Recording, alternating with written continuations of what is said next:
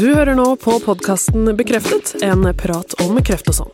Jeg heter Ava og skal ta deg gjennom flere historier fra ulike personer. Det kan være vanskelig å komme i gang med treningen. Hvor hardt skal man ta i? Hvor ofte skal man trene?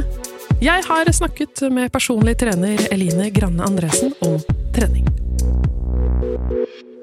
Hva driver du med, Eline? Nei, jeg ak akkurat nå så er jeg idrettslærer på, på en videregående skole. Jeg trener eh, mye selv. Jeg driver med triatlon. Har vært eh, sjukesprektrener i fem år, før jeg nå flytta. Så holdt en del foredrag på idrettshøyskolen, også om trening og kreft. Så, og da er du kanskje den rette personen også å spørre om hvorfor bør man trene under eller etter en kreftbehandling, er vel kanskje det første spørsmålet. Ja, det, jeg vil jo tro at jeg har en del både egenerfaring og erfaring på annen hånds, da. Men hvis man lurer på, for det, det, kan jo være Man kan vel føle seg litt sånn Kroppen er ikke helt sånn som den pleier og sånn. Bør man trene? Man bør alltid trene. Eh, det som er, og som er en litt sånn evig diskusjon, eh, eller kall det myte, da, eh, som både for oss som har vært gjennom kreftbehandling og på en måte har en helt ny kropp og hvor alt kjennes annerledes ut, men også for de som de har hatt samme kroppen hele tiden, så, man, så, så, ser man for seg at trening skal være blodslitt hele tiden. Man kan få veldig god effekt av trening som ikke er blodslitt. Så trening kan være å gå en halvtimes tur, eh, som det å ha en intervalløkt f.eks., eller en hard styrketreningsøkt. Eh, men det som mange kanskje sliter med, er jo det å finne liksom, rett nivå. Ja, det, det, er alltid vanskelig. Eh, min, min, anbefaling da, det er jo spesielt når man har vært gjennom det man har vært gjennom, så er det det hvor, hvor var du før, du før du ble syk? Det å legge seg litt under det nivået og heller være ærlig på at eh, sånn er kroppen min nå, jeg vet ikke helt hvordan den kommer til å respondere, jeg vet ikke helt hvordan den er. Og heller start i det små. Jeg hadde jeg spilte håndball til jeg var 19, eh, og så ble jeg syk når jeg var 20. Um, trente masse, gikk på ski og løp og sånn når jeg ble syk. Men uh, når jeg startet igjen etterpå, så gikk jeg en tur på en kilometer. Det var det jeg starta med. Er du tilbake der du var nå? Nå er jeg i bedre form enn det jeg var. Men det igjen, det, det er jo jeg, jeg, har vært veldig heldig, for jeg har ikke noe senvirkning altså jeg har ikke noe senvirkninger av behandling. Jeg har ikke noe fatigue, f.eks. Eh, og fatiguen, den, den, gjør det jo vanskeligere, da. Hva skal man kjenne etter? Ja, det, det som er og, og, sånn er det egentlig for, for alle sammen også. Jeg, jeg, snakker en del med, med håndballspillere som altså de spiller i Eliteserien. Og der er det jo snakk om eh, hvor går grensa på hva som er ok og ikke. Og det er helt greit å være sliten. Altså, det er ikke farlig at hjertet dunker, eller at man, man higer etter lufta. Det er ikke farlig, og det er noe av det, noe av det som er litt sperra sånn rett etterpå. At man, at man, må hige etter luften, for man føler seg utrygg. Men akkurat altså den kroppslige responsen, den er helt naturlig, og det eh, for, litt for å gå inn på litt sånn eh, treningsfysiologisk, for å bli i bedre form, så er man nødt til å trene på å hige etter luft, fordi at da får lungene bedre kapasitet, og hjertet kan dunke bedre. Eh, så det er, det er, behov, det er nødvendig eh, å, å, puste litt, og at hjertet dunker litt ekstra, for å kunne forbedre seg. Da. Hva er det som kan skje hvis man trener for hardt, da, f.eks.? Da er det jo typisk den overtreningen. Og det er, det er, litt sånn eh, Jeg kaller det litt sånn fatigue-lignende. Hvis du um, Og det er typisk hvis du starter for hardt. Da trener man, og så blir man For trening gir ofte energi hvis du trener på, på rett nivå. Så skal ikke trening nødvendigvis tappe deg for energi. Ja, selvfølgelig rett etterpå, men ikke, ikke på sikt. Og hvis du hviler, og likevel ikke er klar for ny dyst, eller fortsatt er like sliten, da har du gått for langt. Men hva, hva, er det som kan skje da med kroppen hvis du ikke trener i det hele tatt, eller for lite? Eh, det er jo Vi, vi vet jo at, eh, at inaktivitet det, det, er jo eh, årsak til mange livsstilssykdommer, blant annet. Da. Eh, Deriblant kreft. Trening kan motvirke hjerte- og karsykdommer. og alt det som, som innebærer sånn overvektsproblematikk. Eh, men det viktigste òg, for ikke å snakke om mental helse, så vet vi at, eh, at trening er, har en effekt på, på, den mentale helsen. Og kanskje spesielt i forhold til det, det med mestring, som vi mister så mye av når vi er syke. Eh, det å sette seg små, enkle mål i hverdagen fysiologisk, da, så vet man at det både, både mentalt og fysisk har en, har en veldig, veldig gunstig effekt. Og nå har vi jo vært liksom innom liksom viktigheten av trening eh, og liksom nivå, men hva skal man trene? Skal man liksom løfte vekter, eller skal man ut, eh, ut og løpe? Eh, nå skal jeg være så diplomatisk og si at du skal gjøre akkurat det du syns er mest ålreit. For vi vet at sånn optimalt sett så er jo en, en kombinasjon av styrketrening og utholdenhetstrening kanskje det aller, aller beste. Fordi at eh, styrketrening det, det, det, styrker muskulatur, det styrker skjelett. Og det er jo noe som er veldig veldig nødvendig, også spesielt kanskje når vi er ferdig med, ferdig med behandling. Um, at man, I hvert fall jeg var sengeliggende ganske lenge.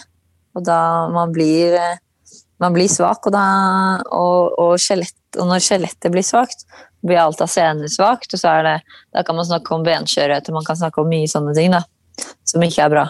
Eh, samtidig så, så er det jo den fysiologiske formen, altså maksimalt oksygenopptak og det vi kaller for kondis, da, eller utholdenhet, det er også veldig gunstig i forhold til å ha et sunt hjerte, som vi også vet er veldig veldig viktig i forhold til ja, hjerte- og karsykdommer og, og de sykdommene der. Da. Hvilken rolle spiller maten din her, da?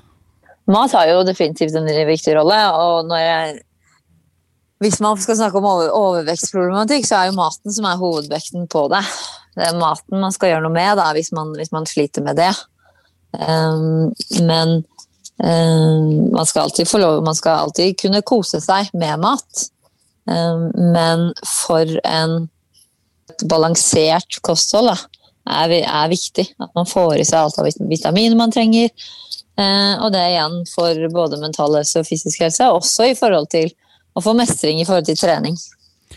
Men det, altså, det er jo en jungel av kostholdsråd, og, og, det er vanskelig å finne fram. Har du noe liksom skal man, Hvem skal man høre på?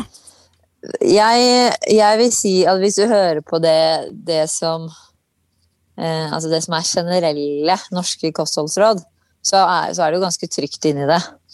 Eh, med en gang man begynner å snakke om dietter og sånn, eh, så er man på litt mer tynn is. Fordi mange dietter utelukker enkelte matvarer f.eks. som vi egentlig vet er, kan være bra.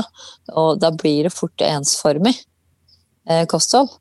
Så mitt tips er egentlig alt med måte. Man skal kunne kose seg. Man vet, man vet at boller ikke er sunt, men man skal kunne ta en bolle i ny og ne. Men, men, så vet man jo også hva som er sunt. Så alt med måte, og så følge de norske kostholdsrådene, så, så er man er man på god vei, for å si det sånn. Men hva med, du var inne på fatigue og senskader, kan det være med på å forebygge det også?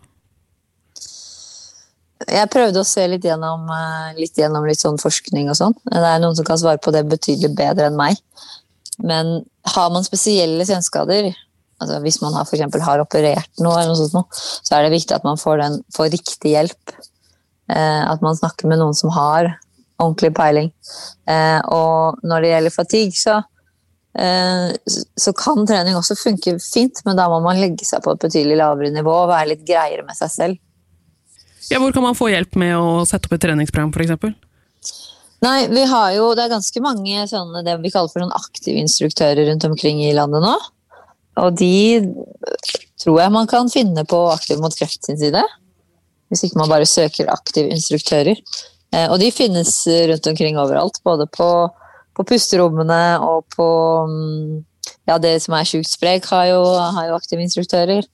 Eh, men også flere mm, private treningssentre og sånne steder har, har, eh, har, en del som har sånn kompetanse. For de har, gått, de har et studie. Så de har gått et studie. Hvis man har lyst til å bare trene litt sånn lavterskel på egen hånd for det, Du var inne på det i stad, hvis jeg tenker okay, nå skal jeg begynne å trene, så tar man på seg treningstøy, og så skal man, da skal man løpe i hvert fall en mil første dagen. Hvordan kan man liksom begynne eh, på egen hånd? Eh, du finner altså det, Nå er vi jo så heldige at vi lever i en, eh, i en verden som, hvor vi har masse, masse, masse tilgjengelig. Og det er veldig mange lure planer som ligger rundt omkring på nettet som ikke koster noe penger. Du har f.eks. på, på Løpelabbet sin hjemmeside, som er en, som er en butikk som, som, er god på det med løping. De har programmer for nybegynnere, blant annet. Eh, og, da, og, da, vil den terskelen legges la, betydelig lavere enn én mil eh, på første tur. For, for, det er ikke hensiktsmessig, sannsynligvis. For da vil man løpe én mil, og så vil man eh, enten få skader eller bli for sliten, og så vil man ikke gjenta det. Ja, for Hvor viktig er motivasjon for å holde trening ved like? Motivasjon er alfa og omega. Eh, det er derfor jeg begynner alltid med å si at du må finne noe som er noe du syns er morsomt. Om det så er å møte noen. For noen, noen har jo ikke noe, nødvendigvis noe veldig motivasjon til å trene. Men hvis du, møter, hvis du har et felles møtepunkt med andre, så kan det i seg selv gi motivasjon. Men, men jeg mener at eh, hvis, hvis, ikke man har motivasjon og ønske om å trene, eh, om å komme seg ut i aktivitet, så vil man på sikt ikke Så vil ikke det bli en vane. Du trener jo mye. Syns du det er like gøy hver gang? Nei, det gjør jeg ikke. Nei, Det er litt motiverende Men... for meg å høre, også, som ikke trener så mye. at det... Jeg er nok det vi kaller for avhengig av det. På min hverdag, hvis, eh, hvis jeg en dag hvor jeg ikke trener, så må jeg, må jeg fylle den med masse annet rart. da. Fordi jeg ikke skal trene. Sånn at det, det i seg selv er kanskje en Kall det en, en sunn avhengighet, da. men det er likevel en avhengighet. Um, så jeg må jo gjøre det, på en måte. Takk for at du hørte på Bekreftet, en prat om kreft og sånn. Denne sesongen er produsert for Ung Kreft av både og med støtte fra Kreftforeningen. For å lese mer om ungkreft, gå inn på ungkreft.no.